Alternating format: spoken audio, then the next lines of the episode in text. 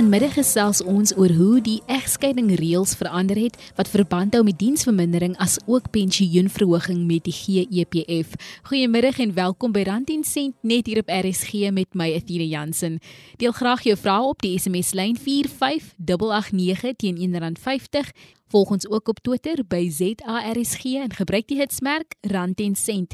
Verlede week het ons oor gade en kinderpensioen gepraat, maar die tyd het ons ongelukkig ingehaal. So ons gaan sommer 'n paar vragies oor kinderpensioen vra en dan 'n bietjie later fokus op vandag se onderwerpe wat verandering van egskeidingsreëls is as ook pensioenverhoging. Amelia Hatzenberg, 'n kliëntedienskonsultant, sluit vandag by ons aan om hieroor te gesels. Baie welkom weer eens, Amelia. Amelia, verduidelik nou wat die verskil tussen die CHP1 vorm en die Z143 vorm is. Die verskil is die Z143 word voltooi vir 'n gade pensioen. Die CHP1 is 'n vorm wat voltooi word en as jy aansoek doen vir die kinderpensioen. Amelia, watter metodes word gebruik om betalings te maak? Weet jy vir beide gevalle, enigste metode waarvan ons gebruik maak is om dit in die applikant se bankrekening te betaal. Amelia verduidelik nou watter rol die voog speel as ook wat gebeur as 'n kind 18 jaar word. Wanneer 'n aansoek ontvang word vir 'n kinderpensioen en hierdie kind is jonger as 18, kan ons nie so 'n kind se geld in sy of in haar eie rekening inbetaal nie. Dit moet aan die kind se regmatige voogrekening inbetaal word se bankrekening. In orde om dit te doen benodig ons gewoonlik maar die hofbevel wat die persoon aandui wie die regmatige voog is. So 3-4 maande voordat my kind 18 word, sal ons gewoonlik 'n briefie met 'n Z894 aan die kind om te sê jy gaan nou verjaar, jy gaan nou 18 word en die land se wette sê mos deesdae jy is nou 'n groot mens as jy 18 word. Nou moet ons die geld in die persoon se eie rekening of in die kind se eie rekening inbetaal. Wanneer ons net daai dokument terugkry na die persoon se 18de verjaarsdag nie, so 3 3 maande na die persoon se 18de verjaarsdag nie, word dat pensioen gestop, hoor. Aan wie word dit gekommunikeer? Aan die kind of aan die voog? Weet jy, ons stuur die brief aan die kind, so 3 maande voor die kind se 18de verjaarsdag. Amelia, wat gebeur as bankbesonderhede nie verander word nie? Dan word die pensioen gestaak indien ons dit nie kry nie. Tot en met ons dan nou die nuwe Z894 met die nuwe bankbesonderhede kry van die kind.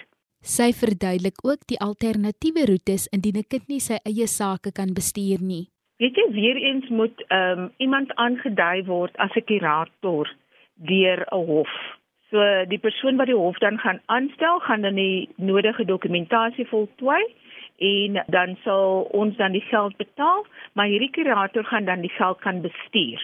Amelia, wanneer ons kyk na laateise, hoe word dit gekategoriseer?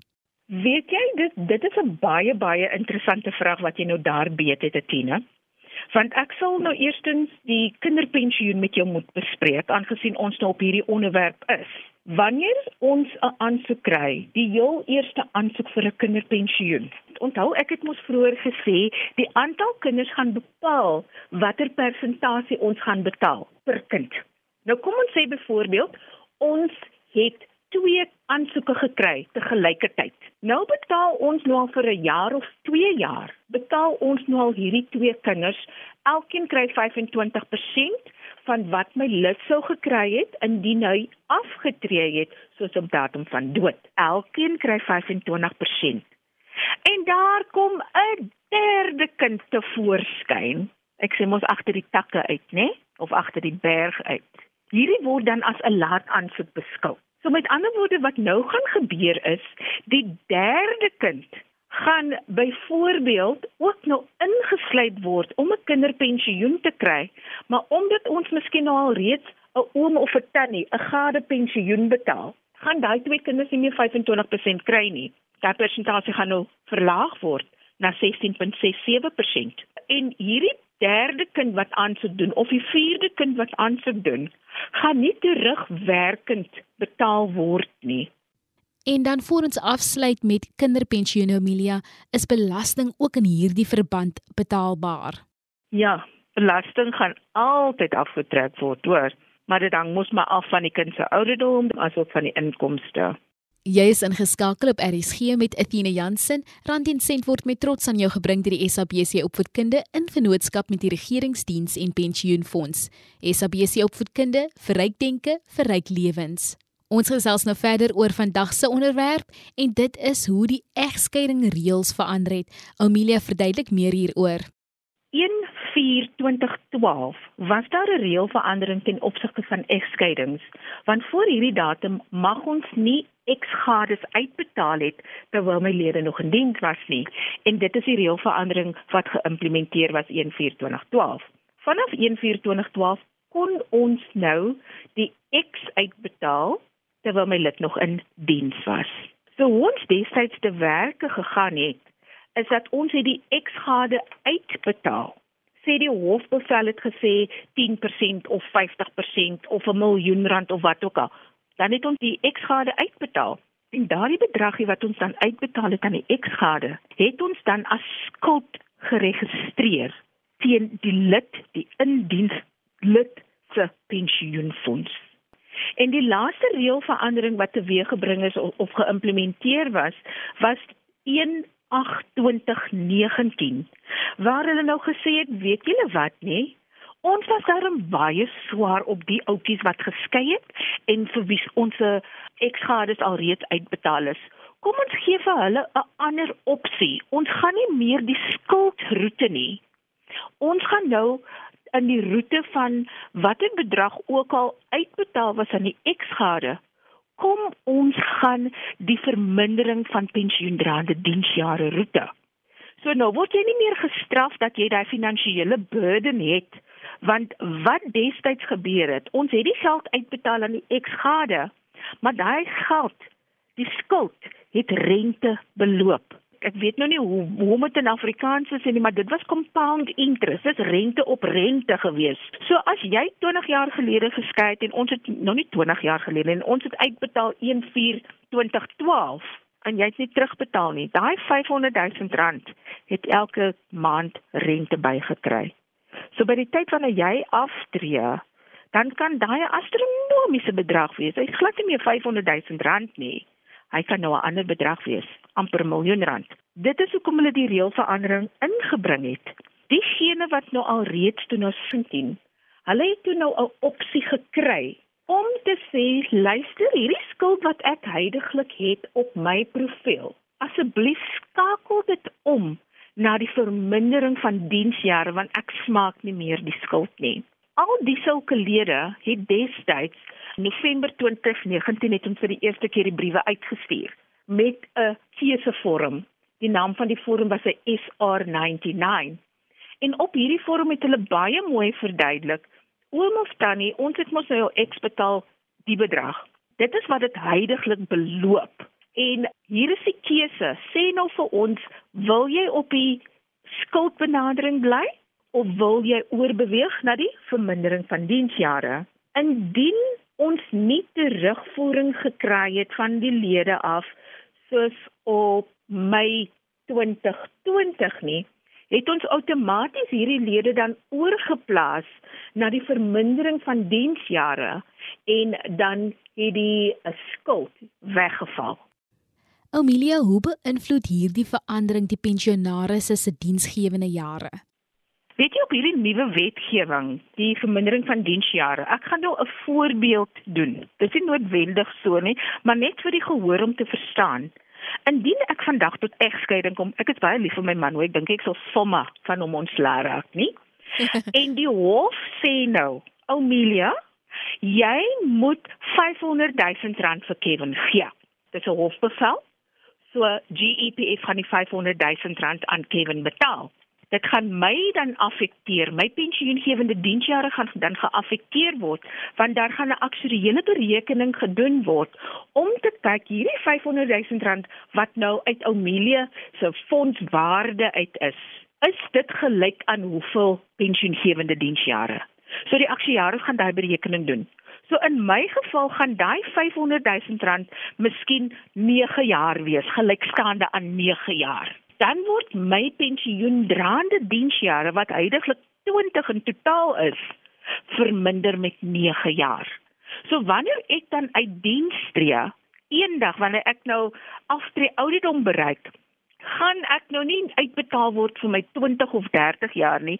Die 9 jaar wat uitbetaal was aan Kevin, gaan ook in aanmerking geneem word. En wat ons luisteraars moet onthou, die GEPF is 'n vaste voordelefonds. Ons ken hom as 'n defined benefit fund. En jou diensjare speel ook 'n kardinale rol in die berekening van jou voordeel hoe meer diensjare jy het en hoe hoër jou gemiddelde salarisskaal oor die laaste 2 jaar is, dit gaan bepaal hoe ons jou op die einde van die dag uitbetaal. So ja, dit kan jou definitief beïnvloed want jy gaan minder diensjare hê en hierdie gaan verskil van persoon tot persoon want 'n aktuariële berekening is 'n berekening spesiaal vir 'n persoon. Dit is nie 'n blanket approach nie. Is die verandering ook van toepassing op gebruikelike huwelike? Weet jy? Ja, indien dit die wetgewing bevredig. So met ander woorde, nog gaan jy seker vir my vra Omile, maar wat is die wetgewing? Die wetgewing, die JPLO en die die die die egskeidingswet, né? Nee, 'n soort van hand aan hand.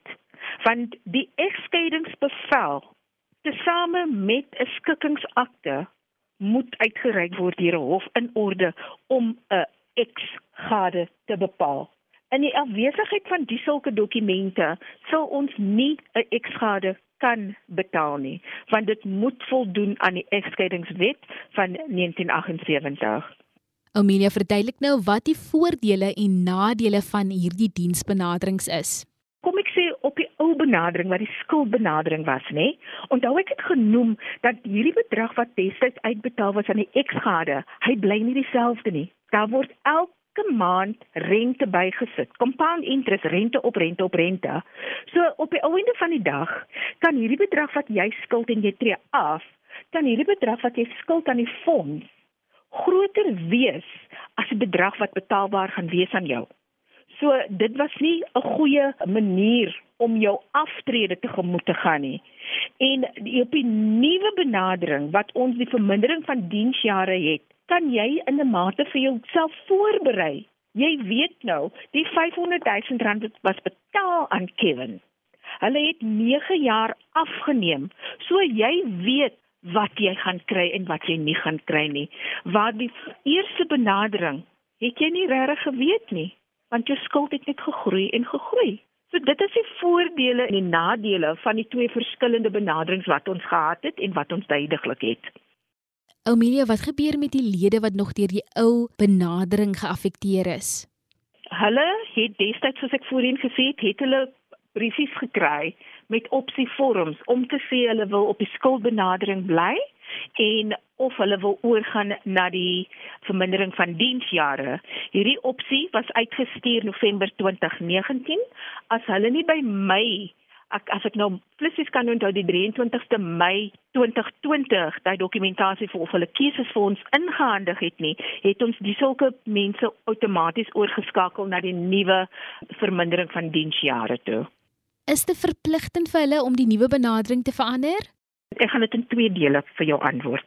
Die eerste deel gaan wees indien jy geskei het voor 1/8/2019 was jy outomaties op die skuld opsie geplaas.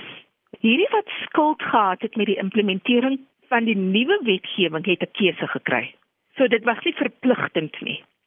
Jy het 'n keuse gehad, wil jy skuld bly of wil jy oorgaan na vermindering van diensjare? Indien ons nie jou keusevorm teruggekry het nie, het ons jou outomaties oorgeplaas na die vermindering van diensjare toe. Maar nou moet ons kyk na die ander kategorie.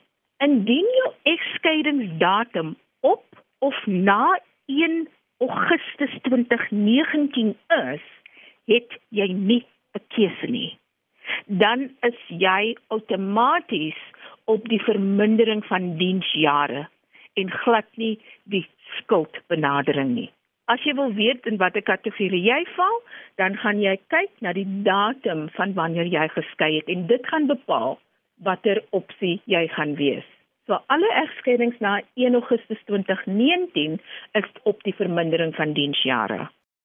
Volg ons op Twitter, gebruik die hitsmerk Rand en Sent en volg ons by ZARSG.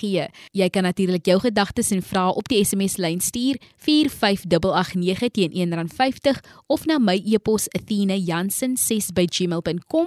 Ek sien nie regstreeks uit nie, maar ek stuur elke vraag aan na die GEPF. Oumilia verduidelik nou hoe jy die skuld terugbetaling op salarisse soos oorgeskakel na diensaanpassingsbenadering kan stop. Weet jy sover ek weet, was die opsie nooit geïmplementeer op Persel nie. Persel is nou basies die stelsel wat die regering gebruik om salarisse te betaal. So dit was nooit geïmplementeer nie. Die metode wat beskikbaar was vir lede om hierdie geld terug te betaal was om dit direk in die fondse rekening in te betaal. Die werkgewer het nie 'n opsie gehad op hulle stelsel om aftrekkings te doen van die persoon se salaris af nie. Amelia, is dit wettig om 'n gewese eggenoot uit my pensioen uit te betaal? Ek sê altyd vir die mense as as die lid kom beklei met ons, nee, om te sê, "Hoekom het julle vir Susie of vir Sunny betaal?" Ek het nie toestemming gegee nie. Jy kry mos van die sulke. Maar weet jy as 'n hof 'n uitspraak gelewer het en die hof summons vir GEPF om te betaal, dan is dit mos 'n wettige opdrag van 'n hoër hof af om te sê GPF jy gaan betaal. Ongeag die lid die vorm teken, ongeag die lid kennis dra dat die eksgade 'n eis ingehandig het by GEPF, ons het nie sy of haar toestemming nodig nie, want die hoër hof het 'n uitspraak gelewer. So ja, dis wettig. Amelia, wat gebeur as die diensaanpassingsbenadering daartoe lei dat ek aftree sonder om vir 'n pensioendrane tydperk of na aftrede mediese subsidie te kwalifiseer? Hoe sal dit werk? Weet jy, dit is 'n baie baie interessante vraag, want sover my kennis strek, is dit die enigste plek waar die fonds sê indien jy minder as 10 pensioendrane diensjare het, omdat jy geaffekteer was dat ons nou 'n eksgade 'n bedrag moes betaal het. Indien jy minder as 10 jaar het, gaan ons nog steeds vir jou 'n enkel bedrag plus 'n maandelikse pensioen gee. Laat my toe om te verduidelik asseblief. Amelia skei nou al weer van Kevin, né? En by tye van egskeiding het ek 20 jaar diens gehad. Maar die bedrag wat uitbetaal was aan Kevin is hierdie keer 800 000 rand. So, GEPF verminder Amelia se pensioendraande diensjare sommer met 'n klompie jare, sê 15 jaar. So wanneer ek nou aftree, het ek minder as 10 pensioengewende diensjare. En die reël van die fonds sê wanneer jy aftree en jy het minder as 10 jaar diens, is jy veronderstel net om 'n enkel bedrag te kry. Maar omdat Amelia nou geskei het en hierdie nuwe wetgewing het nou vir Amelia onder die 10 jaar gedwing pensioengewende diensjare gaan GEPF nog altyd die berekening of die formule gebruik wat vir aftredes gebruik word vir meer as 10 jaar. So dit is die enigste manier, enigste plek waar ons 'n enkel bedrag plus 'n maandelikse pensioen vir mense betaal wat aftree met minder as 10 jaar. Dit is hoe dit basies werk. Jou volgende vraagie is oor die mediese subsidie. As ons kyk na die kwalifiserende kriteria vir die mediese subsidie, praat hulle nie van jou pensioengewende diensjare nie. Hulle praat van jou regeringsdiensjare.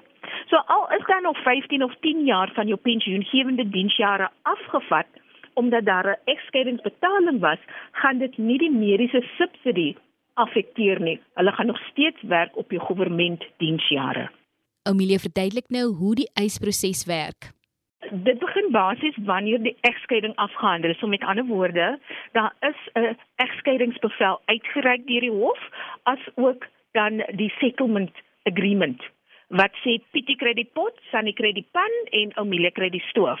En in hierdie dokument moet basies genoem word die pensioenfonds se naam, die persentasie of die bedrag wat uitbetaal word en die persone moet reg geïdentifiseer word in hierdie dokument en GPF moet basies opdrag gegee word om die lid te betaal. Die proses kan eers aanhangend gemaak word wanneer die hele egskeidingssaak afgehandel is. Die lid se eksgade kom gewoonlik tot by ons instapdiensentrum waar hulle dan vir ons voorsien van die oorspronklik gesertifiseerde afskrif van die egskeidingsbevel as ook die skikkingsakte met die persoon se ID dokument as ook 'n SARS dokument van die eksgade en bankbesonderhede. Daar is 'n spesifieke vorm wat voltooi moet word. Ons sê sommer dis die DCF, maar dit is die divorce choice form wat voltooi moet word deur die eksgade en gedeeltelik deur die eksgade se bank. Die eksgade het natuurlik een van twee opsies. Die geld kan direk in die eksgade se rekening inbetaal word of die geld kan oorgeplaas word na 'n eksterne fonds toe. Amelia, wat gebeur in die geval as die eksgade afsterf? Die dood van 'n eksgade gaan nie die skikkingsagte of die egskeiding laat verdwyn nie. So wat in essens gebeur is dat indien die egskeiding gefinaliseer was deur die hof, daar is 'n egskeidingsdokument, daar is 'n skikkingsakte om te sê Kevin moet 500 000 rand kry. Maar voordat Kevin kon aansoek gedoen het, het Kevin afgesterf. Daardie geld moet nog steeds aan Kevin uitbetaal word in aanhalingstekens. So hoe gaan jy dan te werke? Iemand moet dan hof toe gaan om aansoek te doen om die eksekuteur te word van Kevin se boedel. Wanneer dit uitgereik is, die eksekuteur is aangedui deur die hof, moet daardie persoon dan bank toe gaan om 'n boedelrekening oop te maak in Kevin se naam. Sodra dit in plek is, kan die eksekuteur dan met die GEPF deel en weer die vorms wat voltooi moet word, is 'n divorce choice vorm, SARS dokumente van die oorledene en 'n ID en 'n doodsertifikaat. Wanneer die persoon dan nou aansoek doen dit is nou die persoon wat aangedui is as die eksekuteur deur die hof dan kan die persoon die GEPF nader. Om fonds te voorsien van die doodsertifikaat van die eksgade die SARS dokument van die eksgade dan ook die bankbesonderhede van die boedelrekening. En baie mense is onder die indruk indien die eksgade tot sterwe kom dat die egskeiding nie gebeur het nie. Dit bly op die boeke van die hof. So die egskeiding is nog steeds daar en die GEPF sal nog steeds daai voordeel kan uitbetaal aan die eksgade indien die persoon alreeds tot sterwe gekom het maar in die vorm van die lid of die eksgrade se boedelrekening. Jy is ingeskakel op RSG met Athena Jansen. Rand en sent word met trots aan jou gebring deur die SABC Opvoedkunde in vennootskap met die Regeringsdiens en Pensioenfonds. SABC Opvoedkunde, verryk denke, verryk lewens. Amelia beweeg nou oor na pensioenverhoging. Ek moet seker eerstens begin by die reëls van die fonds.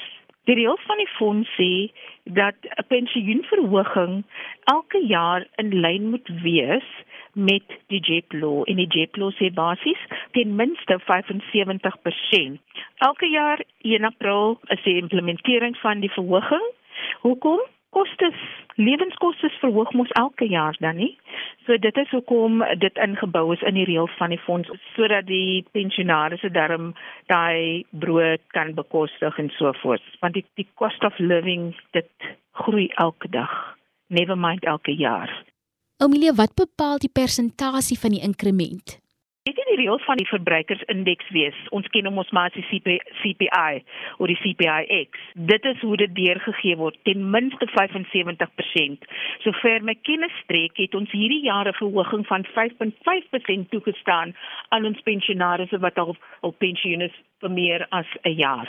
So 5.5 is dit vir hierdie jaar en ehm um, dit was 100% die CPI. Amelia word begunstigdes of pensionaarsse van hierdie verandering ingelig. O ja, natuurlik. Ons stuur briewe uit om te sê wat die verhoging is, die persentasie nommer 1 en dan kry elke pensionaris 'n briefie om te sê wat hierdie persentasie in rand en sent verskil is. As ek nou onwillekeurig my oogies toemaak en ek dink aan die brief, as hulle miskien sê jou pensioen soos 1 April 2021 was R500. Jou nuwe pensioen soos van 1 April 2022 is nou R550. Dit is hoe hulle die inligting kry. Hulle word per brief in kennis gestel. En dan om af te sluit, waarheen gaan die mense wat die GEPF se dienste benodig? Jy kan gebruik maak van ons instapdienssentrums. Jy kan gebruik maak van ons kliëntediens kantore wat in Suid-Afrika is in die nege provinsies in Beldiensentrum Ons het ook hierdie platform, ehm um, die die webwerf wat gebruik kan word, die mobile app wat gebruik kan word. Daar's 'n hele paar platforms wat gebruik kan word om van ons dienste gebruik te maak. Amelia Hartzenberg, ek sê vir jou baie dankie vir vandag en ook elke episode waarin jy deelgeneem het in hierdie reeks. Dankie ook dat jy uitgereik het na die luisteraars en nog gaan uitreik. Ag, dit was net 'n groot plesier. Ek hoop ek het 'n verskil in van ons lede of ons pensionaarsse se lewens gemaak. En as jy nie omgee nie, wil ek hiermee afsluit. Want dit druk baie baie swaar op my hart.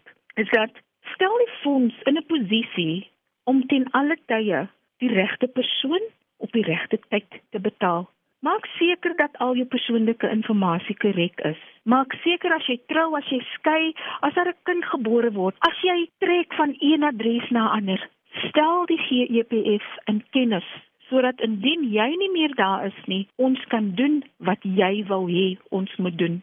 So asseblief mense, werk saam met Amelia. Baie dankie.